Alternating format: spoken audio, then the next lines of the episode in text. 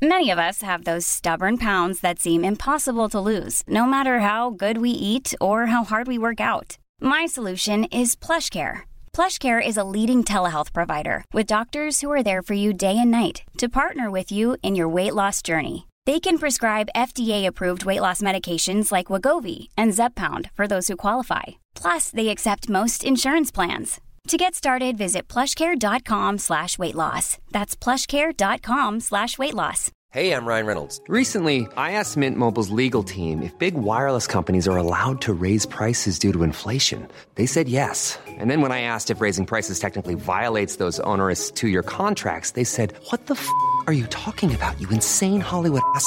So to recap, we're cutting the price of Mint Unlimited from $30 a month to just $15 a month. Give it a try at mintmobile.com slash switch. $45 upfront for three months plus taxes and fees. Promo rate for new customers for limited time. Unlimited more than 40 gigabytes per month. Slows. Full terms at mintmobile.com.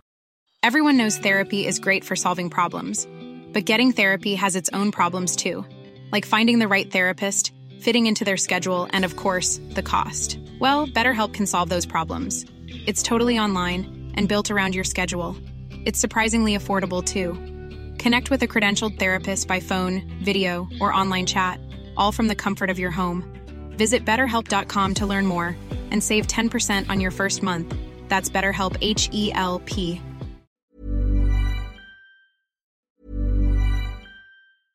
Ryan Reynolds here from Mint Mobile. With the price of just about everything going up during inflation, we thought we'd bring our prices down. So to help us, we brought in a reverse auctioneer, which is apparently a thing. Mint Mobile unlimited premium wireless. Ready to get 30, 30, bit to get 30, bit to get 20, 20, 20, bit to get 20, 20, bit to get 15, 15, 15, 15 just 15 bucks a month. So, Give it a try at mintmobile.com slash switch. $45 upfront for three months plus taxes and fees. Promo rate for new customers for limited time. Unlimited more than 40 gigabytes per month. Slows. Full terms at mintmobile.com. Everyone knows therapy is great for solving problems, but getting therapy has its own problems too, like finding the right therapist, fitting into their schedule, and of course, the cost. Well, BetterHelp can solve those problems. It's totally online and built around your schedule. It's surprisingly affordable too. Connect with a credentialed therapist by phone, video, or online chat, all from the comfort of your home. Visit betterhelp.com to learn more and save 10% on your first month. That's BetterHelp H E L P. Välkomna till ett somrigt eh, Krönikörerna. Välkomna, hur mår du? Nej men det har varit ganska tuffa dagar. Jag har haft jävligt ont i min tråkiga åkomma som jag lider av. Med urinvägar som inte funkar och så. Men eh, vad tråkigt. ja, tråkigt att prata om också. Men då Nej, men- kanske jag kan bjuda på mitt fem plus-liv. Jag brukar ju Ja. sällan, Gärna. mitt liv tillvaron är, ligger det som skvalpar kring ett två plus tre minus om, du får, jag är liksom åsnan Ior. Men senaste veckan har jag varit på Ibiza på en storslagen fest. Den var helt otrolig och Ja, jag du, du var överlevde. på den där festen som med dina 200 bästa kompisar. Så var det. Ja. Och sen har jag varit och sett Depeche Mode som var så jävla bra. Fan Gamla syntgubbar. De höll Ehm, stilen. Ja men otroligt bra och så har jag fått en ny kund. Jag kommer inte berätta för dig för du kommer bara vara där och talla och ringa till om jag inte skrivit avtal än. Men det är Skulle liksom aldrig. allt det här sammantaget ger liksom en fem plus vecka och det händer ungefär var tionde år. Du, Men nu får jag lite dåligt samvete bara för Nej. att du låter som du, du är Nej. nere på något. Nej, jag, un- något jag dåligt. ett. Men jag unnar dig det. Eh, Men, du är värd eh, allt gott. Och vet du vad, jag kan då vara så storsint att låta dig börja nu när jag mår så bra. Ja, jag har två spaningar. Spaning nummer ett då. Och det är samma premiss som tidigare. Vi drar två spaningar för varandra. Den andra väljer och sen lägger man ut orden helt enkelt. Kör. En gång i tiden så kallade jag mig för perfektionist. Och liksom mös lite över den här titeln och liksom, ja, var lite stolt över den. Du svävade ovanpå det. Ja precis, men det där har jag lagt på hyllan. Alltså det här kommer bli en spaning om varför livet blir så mycket bättre om man fattar att good enough är bra nog. Mm. Och sen har jag en spaning till som jag skrev om en gång. Jag tycker ändå att det är intressant varför män och kvinnor inte står lika inför tequila. Varför är en berusad kvinna i min ålder, 40-årsåldern, så tragisk och sorglig medan en man är liksom charmig kille? Och jag berättar här om en kräftskiva som jag hade som gick fullständigt åt helvete. Mm. Nej, men jag är på gott humör men inte på så gott humör så att jag liksom kan tillåta dig att liksom driva krönikörerna till Feministpodden eh, just idag. eh, Som jag vet att du egentligen vill och byta namn på den och allting. Så att, och sen är jag intresserad av det där hur man ska balansera upp livet och good enough och perfektionist och inte liksom dra det för långt. Eh, så att jag väljer nummer ett. Okej, då kör vi!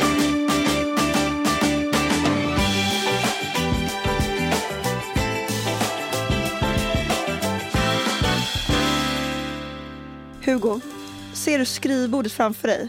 Du sitter där med din dator och vill få den där sista finishen på magasinet, eller tidningen eller texten du skriver. För det du släpper ifrån dig ska vara så bra som det någonsin går. Så du sitter där och kisar mot skärmen, klockan går mot midnatt och det verkar precis överallt i hela kroppen. Men det måste ju bli perfekt. Men när du går och lägger dig så är det ändå med känslan av misslyckande. Du lyckades inte komma i mål trots allt. Ja, det kan jag absolut känna igen. Är det där du?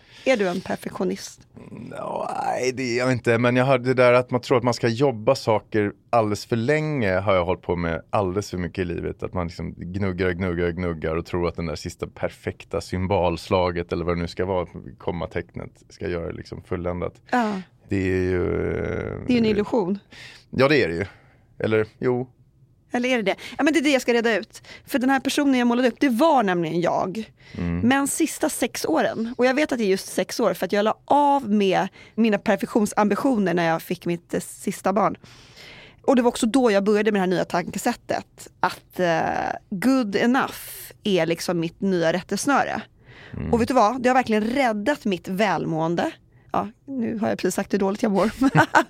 Men rent generellt så har det räddat mitt välmående, alltså rent psykiskt i alla fall. Och stärkt min business så in i bingen. Men varför den? För normalt, jag tror att min, jag kanske inte kom till samma kloka insikt som du, men i alla fall att få barn blev ju ett uppvaknande. Du, helt plötsligt kunde du inte sitta där och dutta med ett kommatecken eller en, för att du var ju tvungen att vara, hämta på förskolan. Eller, Ja, men vi, vi har ju fyra till barn Hugo, så att du vet att vi... Ja men varför Kan började du inte innan, varför var det den sista ängen som bara fick den här kärleken från Nej, mamma? men det var bara på något sätt någon slags mognadsgrej. Mm.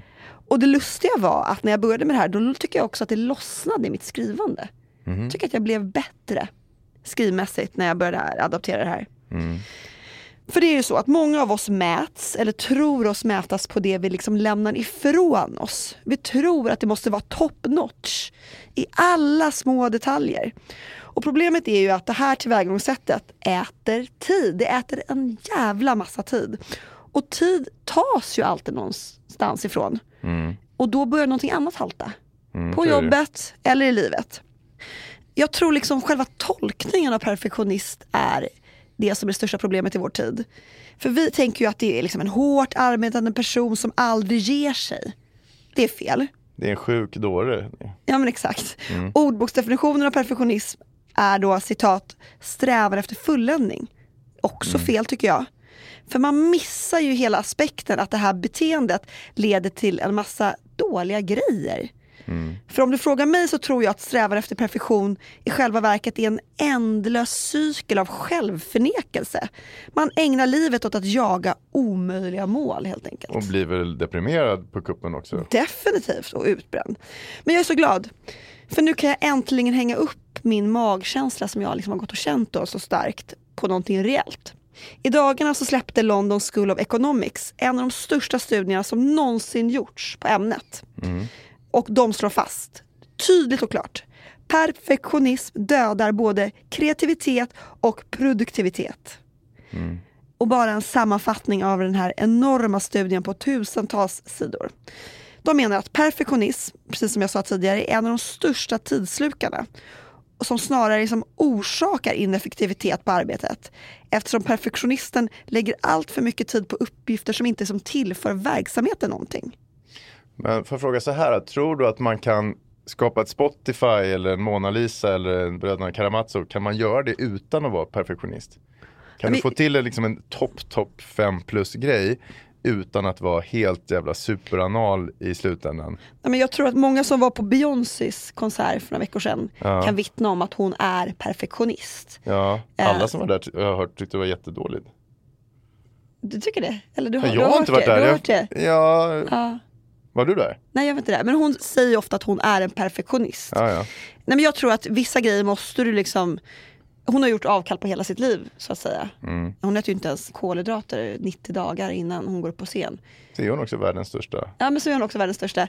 Men jag tycker ju att perfektion oftast är väldigt tråkig. Perfekta människor, eller människor som vill utge sig vara perfekta, de är ju dötråkiga. Ja, det är det värsta som Sådana vill man ju De- inte ha sitt liv. Nej, nej, nej absolut Alltså det inte. är ju människor som bjuder på sina misslyckanden som man älskar. Ja. Och tittar jag på min liksom närmsta krets, alla är lite koko på något sätt. Och det är därför jag älskar dem så mycket. Mm. Någon jävla perfekt jävel vill jag inte ha in. Nej.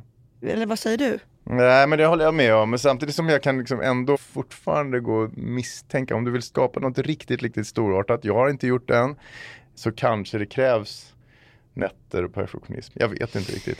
Det finns något som heter Pareto-principen, känner du till det förresten? Det pratar man om i ett business-sammanhang och lite alla möjliga. Den stipulerade att 80% av resultatet, vad man än är för någon träning eller ett företag, kommer från 20% av aktiviteten. Insatsen, ja, just det. Ja, det är så Hitta. jävla viktigt att lista ut vilka är de viktiga 20 procenten inom det här. det, ja. Och så fine-tuna det och sen kan man gå hem efter lunch och lägga sig på soffan. Eller Men det två, där är, ja. jag har inte hittat riktigt ekvationen Men, där. och det, jag menar, det där stämmer inte riktigt heller att man måste vara perfektionist för att skapa stordåd. För jag menar många av våra största konstnärer har ju varit fullständigt berusade eller höga när de har skapat sina absolut bästa grejer. ja. Så det är väl då man liksom släpper på perfektionen och låter liksom själen komma fram så att säga. Mm. Ja, tillbaka till den här undersökningen för det här är en seriös spaning jag håller på med idag. Mm, det här är inget trams. London School of Economics drar en massa intressanta slutsatser. Till exempel då att den här perfektionsambitionen som människor kan ha leder till saker som skuld och skam. Mm. För trots alla våra ansträngningar så lyckas vi inte med den här kirurgiska perfektionen. Och då ökar stressen. Och eftersom vi har prioriterat bort så mycket annat, så mycket andra uppgifter, så ligger vi efter med allting. Så att eh, man är pressad och man har känslan av att man har misslyckats prestera. Och det allvarligaste då, då man har mycket större risk att bli utbränd än andra. Mm.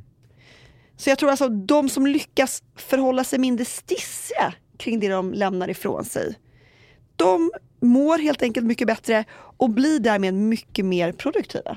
Mm. Ja, men jag tror att det stämmer. Sen är det väl som allt i livet en balansgång. Good enough för någon kan vara lägre än good enough för någon det är annan. ju Så svårt när medelmåttan- ibland duger inte good enough. Nej, Det är svårt när medelmåttan hävdar att det här är bra nog. Ja, Så det måste ju finnas någon slags nivå mm. på personen eller hantverket som säger detta. Men apropå det här med procent som du var inne på. London School of Economics säger att max 5% av de dagliga uppgifterna på ett jobb kräver någon form av produktion. Resten, alltså de här 95 procenten, där krävs det bara att du gör det bra. Här är alltså bra, bra nog. och då är nyckeln att lista ut vilka som är de där viktiga. Men det kanske man med lite erfarenhet kan. Vilka är de viktiga 5 procenten och Ja. inte 20 procent som du sa. Och det finns ju två psykologer som har stångat sig blodiga på det här med perfektionism. De heter Paul Hewitt och Gordon Flett. Mm. Och de säger att det finns tre typer av perfektionister. Så jag tänkte kolla med dig vilken typ som du känner dig mest relaterad till. Ja, Den självorienterade typen som håller strikta regler och normer för sig själv och motiveras av att undvika att misslyckas. Den andra är den andra orienterade typen som ställer perfektionistiska förväntningar på andra. Och den sista typen är då den som tror att andra ställer höga förväntningar på en själv. Vilken av de här tre typerna är du? Jag är ingen helt och hållet, men jag kanske, om jag är närmast något så är det väl en mix av ettan och trean, inte så mycket tvåan och andra. Du ställer utan, inte så höga krav på andra. Alltså det är ju hårdare mot mig själv i så fall. Ja, sympatiskt. Ja, jag kanske fejkar nu, men nej men så är det väl. Men fan samtidigt så måste man ju hålla någon sorts nivå i livet, eller jobblivet om man ska komma någon vart. Ja, men det handlar ju inte om perfektion, för perfektion är ju något som väldigt få upplever. Ja, nej, alltså, jag kan prata lite om min eh, partner in crime, Mårten då, som Mm. jag driver bolag med. Han är den mest briljanta och detaljorienterade människan jag någonsin mött. Och det han gör blir jättebra. Men de där sista procenten av hantverk som han då håller på med hela tiden. Det är få som uppfattar det ens. Det är bara folk i vår bransch som överhuvudtaget skulle kunna se den här skillnaden. Det är viktigt för honom att kunna addera de där sista två Ja, men det, ja det är det. Och vi har ju delat upp arbetet väldigt rättvist mellan oss på byrån. Vi har liksom lika många kunder och projekt och sådär. Och vi levererar båda två vad jag vill kalla en jävla hög nivå. Mm. Men problemet är ju då att han jobbar 24-7. Kvällar, helger, semestrar. Och jag är den han, som han, har, liksom... han har en vacker Luther som sitter på hans Verkligen. axlar som, men det här börjar bli ett jävla problem för mig för att jag liksom vinkar. Då får du dåligt samvete. Ja men jag vinkar ju glatt där klockan kvart i fem då jag lämnar bygget. Hej hej! Och sen öppnar jag inte datorn på hela kvällen. Nej. Eller helgen. Men levererar sämre för det. Jag vill hävda att jag inte gör det. Det är ju ytterst tveksamt om det är du som ska vara domaren i just det här fallet. Det kan jag tycka. Det Nej, men jag ringa Mårten. Men kanske- är du bättre på att delegera Man vad kanske han kan prata med kunderna till exempel och se. Ja. Ja, Eh, fan vad det skulle leda till massa dålig stämning Ja, internt tror jag. Om du skulle. Eh, nej men det leder inte till så dålig stämning. Men jag tycker Men har du, synd det om låter honom. ju, ja men är inte han då bara att det sitter en Luther på axeln att han hatar sig själv om man inte gör det där? För det är lite olika saker där att tro att man måste liksom jobba ihjäl sig för att man ska vara värd något. Ja, jag tror att du är inne på det. Att eh, Luther sitter tungt på hans axel och att han har svårt att också delegera och ge över ansvar till andra. Och det tycker jag att jag inte har. Mm. Och det har nog att göra med att jag är kvinna. Hur, hur då menar du? Att du Det är smartare mitt- eller att du, Nej att men det är mitt universalsvar på det mesta. Ja, det var det jag Men märkt. jag har ju tvungen, alltså jag har ju tvingats att bli effektiv för att hinna med livet med barn och graviditeter och Ja. allt sånt. Mm. Håller du med mig? Ja, och det där tror jag ju absolut kan vara positivt. Sen kan jag ju kanske, om jag får liksom elda upp det lite, kvinnor i arbetslivet blir inte alltid bättre när de får barn. Alltså det säger du? Ja, Ja, och vad gillar dina anställda att du säger det då? nej, men jag måste väl ändå få vara ärlig här inne och säga att det liksom, du tappar ju några procent. Men du kan fortfarande vara good enough. Nej, alltså det jävla bullshit, men okej. Där fick man in det. Ja.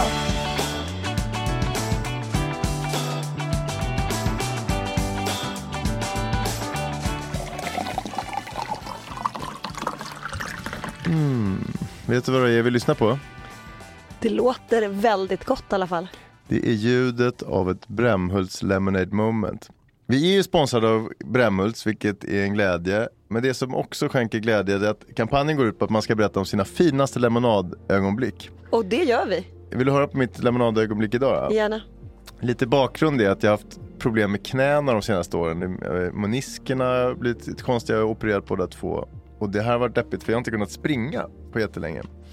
Och du älskar ju att springa. Jag älskar att springa, för, inte så mycket för att bli snabb eller smal utan för att jag blir gladare av att Ja, springa. eller hur? Mig lurar du inte. Jo, det får mig att känna mig som en ny människa och man blir ju lite det av löpning också. Det eh, gör att man bildar nya hjärnceller, det påverkar koncentrationsförmågan och man får det här serotonin och dopamintillskottet som gör att man är liksom naturligt hög efteråt. Hej Anders Hansen. Så nu då, efter lång tids tråkig rehabträning kan jag äntligen springa igen. Och det är en tidig morgon, jag har precis sprungit 7 kilometer runt Djurgården i Stockholm i ganska långsamt tempo. Småsvettig sätter jag mig efteråt på balkongen. Med mig ut på balkongen har jag Brämhults Fantasy som är en mix av lemonad och iste. Fattar du? Det bästa av två världar. Ja, och visst är den också iskall? Den är iskall och i de där första iskalla klunkarna känner jag Herregud, kan livet ens få vara så här bra? 10 av 10. Ja. Det finns alltså fyra olika varianter. Brämhults Lemonade som består av nypressade citroner, vatten och lite socker. Dragonized Lemonade, årets nya smak som innehåller drakfrukt, yuzu och äpplen. Perfected Lemonade, en svalkande god päronlemonad och så Fantasy som förenar det bästa av två världar, lemonad och iste. Fint va? Helt underbart. Jag är lite rörd. Tack Brämhults. Tack! Ja men kör då. Okej, men då kan vi se om jag lyckas vara good enough för dig idag då. Jag Mm, har... Det är du alltid. Du är perfekt Åh. i mina ögon. Ja, vad fint. Nummer ett, jag ljuger så bra. Det här är en sorts hyllning till lögnen. Till Linda Bengtzing. Till Linda, ja, jävla kanonslagare. eh, en hyllning till lögnen där förklarar varför det blir allt viktigare att kunna ljuga i dagens samhälle. Samtidigt är det en uppgörelse med sanningstalibanen som är en av de jobbigaste människotyperna jag vet. Nummer två, 10 livslektioner från David Bowie. Utöver att vara en av historiens största artister så lärde han oss också många otroligt viktiga saker om tillvaron. Det tänkte jag Alltså. Bowie, jag har alltid älskat den mannen. Det är Mm. min typ idealman. Otrolig. Otrolig. Men det här med lögner tycker jag är mer kittlande faktiskt. Vet du hur många gånger som Donald Trump ljög per dag? Det var en undersökning som Time publicerade 2017. Som Jag läste berättade. mycket olika där. Det är antingen att det skulle vara 14 men det tycker jag låter i underkant. Nej, alltså han ljög i snitt sex gånger per dag. Sex gånger per Ja, dag. och han blev påkommen med att offentligt ha kommit med 1950 falska påståenden. Pinsamt, eller hur? Ja. Eller smart, det är lite det jag vill eh, komma till här. Okej, Ja. men låt oss börja med att lyssna på en välkänd lögn, bara för att komma lite i stämning. I did not have sexual relations with that woman, Miss Lewinsky. I never told anybody to lie, not a single time, never. These allegations are false, and I need to go back to work for the American people. Alltså när du hörde det första gången, tänkte du så här, åh han ljuger som en häst, travar, betar. Jag minns inte exakt den gången precis hur det var, det var ett tag sedan. Men eh, historien skulle ju i alla fall visa Ja. att eh, det här hade ju Bill Clinton faktiskt haft. Och det har ju som bekant kommit amerikanska presidenter sedan dess som har ännu mer frisläppt inställning till sanningen. Och min känsla rent allmänt är att ganska många människor börjat få en mer liberal syn på lögner. 100 procent. Alltså, om en politiker förr i tiden påkoms med att ljuga, då var det ju som tack och adjöss. Ja, Och idag så rycker vi bara på axlarna. ja men lite så. Alltså, och varför har det blivit så tror du? Ja, men man kan väl gissa att Trump har flyttat fram positioner för lögnerna en del. Men överlag så lever vi i en, en lurig tid när det gäller ljugande. Sociala medier är ju en stor orgie i skryt och förskönande och beskrivningar och halvljug. Vi har företag som skickar fakturor som när man tittar närmare på dem visar sig bara vara erbjudanden. Har du gått på en sån eller? Ja det har jag.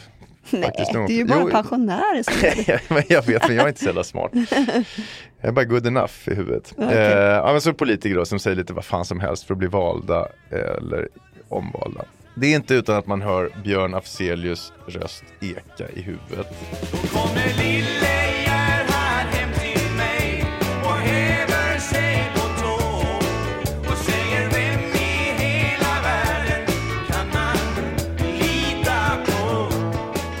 Kanske är det så, kanske är det så att man inte kan lita på någon längre. Och grejen är, om det inte handlar om barn som är ju helt värdelösa på att ljuga. Alltså, Eh, jag måste bara berätta en rolig grej. Ja, För några år sedan så skulle en killkompis till min son Frans sova över. Mm. Så kom han in och såg så här jättelurig ut. Så han bara, jag bara, hej hur är läget? Han bara, jag bara, han bara, "Ja, det var någonting jag inte fick berätta för mamma. Jag bara, okej, hej på dig med. Eh, jag bara, vad är det? Jag har löss! han kunde inte, han kunde Alltså, inte hålla hade ihop gått, det. det hade gått tio sekunder och han hade liksom totalt liksom Ja, men man älskar ju det här med, med men visst är det ungar. gulligt att de inte kan ljuga? Ja, de har ju inte tränat tillräckligt på det. Vi kommer till det. Men det är ju, bortsett från ungar som suger på att ljuga så är det ju ganska svårt att upptäcka lögnare. Det finns jättemycket böcker skrivna om det här. Mycket utgår från CIAs analyser när de ska liksom, i deras förhör, de ska komma åt folk som ljuger. Då finns det då berättelser om hur det kan handla om hur utsagor och kroppsspråk inte harmonierar. Om folk som medvetet använder distanserade ordval för att man inte ska visa att det här är lögn. Om nu du upprepar någons fråga bara för att vinna tid så att du ska hinna hitta på ditt ljugsvar. Mm, det är sig väldigt barnsligt, så där gör ju alla våra ungar. Ja, ja. Liksom ska tjäna tid och upprepa Ja, men visst, det är en klassiker. Men, här är ett stort men, lögnforskning är ju absolut ingen tillfredsställande vetenskap. Alltså lögndetektorer är mer eller mindre värdelösa och inte ens CIA-agenter är särskilt skickliga på att avslöja en bra lögnare. Och då hamnar, åtminstone jag i mitt huvud, i ett vägskäl. Ska man förfasas över det här och över allt ljugande som är idag? Eller ska man acceptera verkligheten som den är och kasta sig in i spelet? Alltså, jag vet inte hur du känner, men som entreprenör och när man driver ett bolag så tvingas Mm, man man ju ljuga. Ja, alltså det är så här, "Jaha, kan du göra den här grejen på kinesiska? Absolut, där har vi Absolut. folk. Vårt kontaktnät i Kina är fantastiskt. Och så löser man det på vägen. Alltså det är ju så Mm. hela businessen är uppbyggd. Ja. Eller hur? Alltså, så. Jag brukade fråga min kollega Mårten, då, gud vad jag snackar om honom. Ja. Skulle en italiensk man svara att han inte hade verksamhet i Kina? Nej, han skulle säga vi kör. Mm. Vi ska lära oss att liksom ljuga lika effortless som en självsäker italiensk man. Ja, men det är ju vettigt för att alltså, i och med att rätt många är ändå begränsade av sanningen så får ju lögnarna ett sånt jävla övertag mot Mm. sanningssägarna. Lögnen blir ett doping. Och jag gillar inte tanken med att gå igenom livet med någon sorts handikapp, ligga på minus från början. Så då väljer jag då hellre att anamma ljugandet till en viss gräns. Ja, alltså till en viss gräns så länge det inte liksom är desinformation som kan skada Ja, andra. hur, hur mycket ljuger du och när ljuger du? Alltså jag kan ju då business-ljuga lite. Mm. Fake it until you make it eh, ljuget så att säga. Ljuger du för husfriden? Sen kan jag absolut ljuga lite för husfridens skull. Mm. För barn ljuger man ju konstant. Eh, sådär med att eh, nej, leksaksaffären är stängd nu. Mm. Klockan är tre på en söndag. Den stänger alltid då. Eh, ja men det gör man ju lite Mm. sådär. Ja, man ljuger om vad Men klockan är för att få iväg dem till skolan. Ja men det är klart, men jag försöker att inte ljuga om saker som betyder någonting. Då, jag vet inte. Då, vad blir man för människa Var då? går gränserna? Ja, men Ja. jag tycker man ljuger för husfriden, man ljuger för att inte såra folk som socialt smörjmedel. Jag ljuger om jag kommer hem sent på natten och min fru inte vaknar, då skalar jag alltid bort några timmar. Alltså halv fyra blir halv ett. Jaha, på frågan när kom du hem? Ja, Ah, ja det finns ju ingen anledning att vara ärlig där, tycker jag. Om jag är sen till ett möte så ljuger jag om att det var lite stök i trafiken, går jag aldrig att kolla någonsin.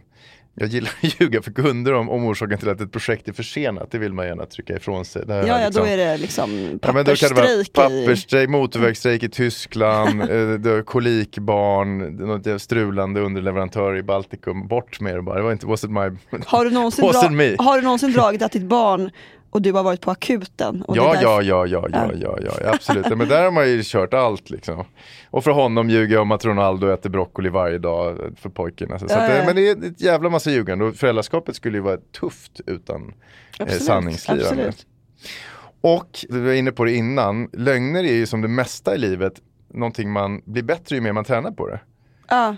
Och ju bättre man blir på det, desto mer ljuger man. Det blir en spiral. Men som alltså, kanske inte är helt positiv. Det du men det är beskriver också lite det här killgissandet. Eh, när man sitter och liksom låter väldigt tvärsäker kring alla Ja, men det är ett frågor. annat sorts, det är inte riktigt det jag tänker på. Nej, jag menar all, det allmän, det är Att man verkligen vet att det här är... Ja, ja, ja. Det halvljugandet som är Ja. hela tiden. Jag läste en, en amerikansk studie som ger en liten djupare förklaring till det här lögnekorrhjulet som det ändå är.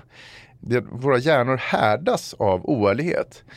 De, forskarna mätt aktiviteten i amygdalan, som är alltså den delen av hjärnan som styr våra känslor. De har mätt den medan testpersonerna ljög. Och för varje ny osanning så sjunker alltså responsen i amygdalan tills den är mer eller mindre obefintlig.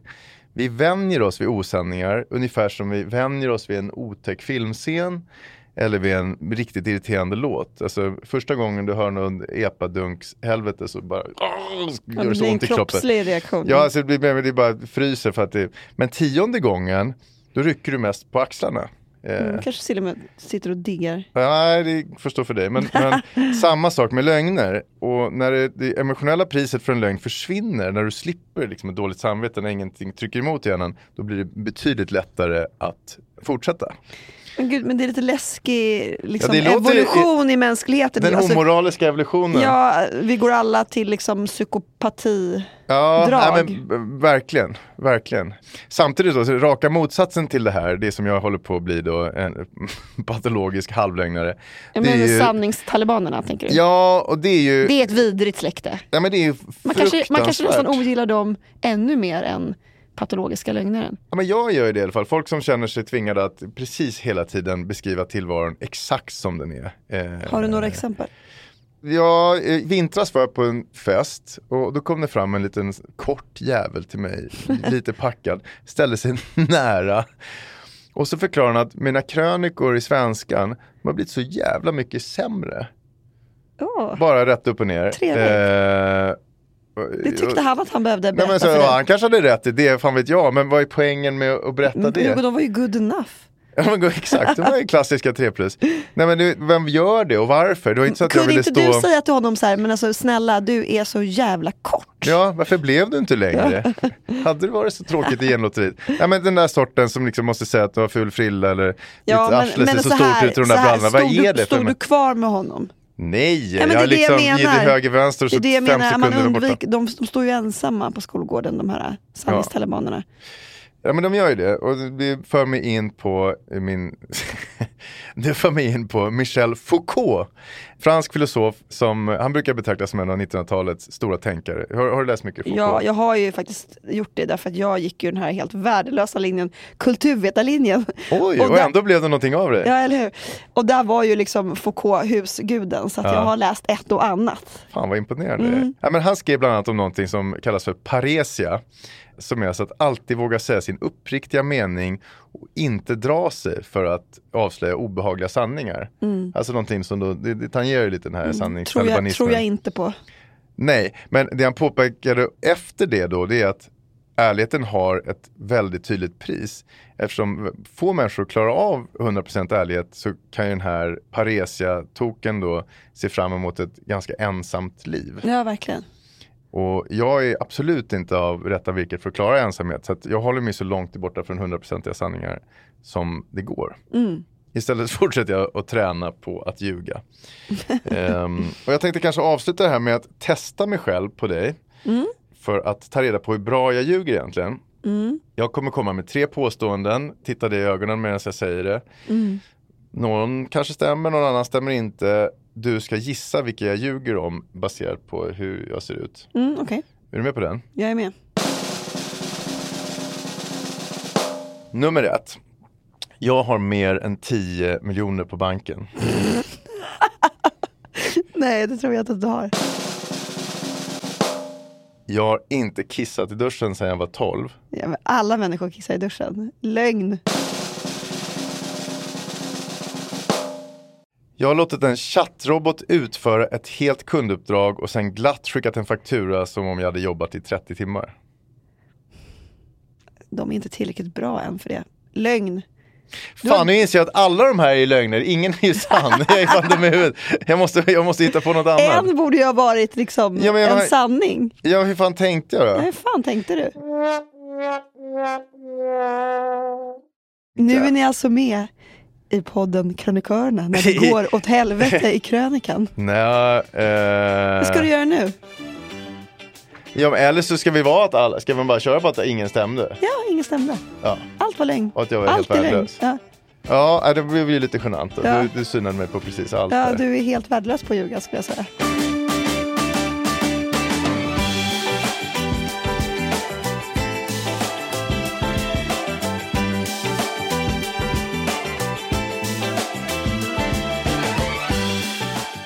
Tack ska ni ha för att ni lyssnade på ett alldeles good enough eh, avsnitt av eh, podcasten Krönikörerna. Och eh, nästa avsnitt kommer också vara lika good enough. Hoppas det i alla fall. Ja, det hoppas vi. Vi hörs snart. Hej!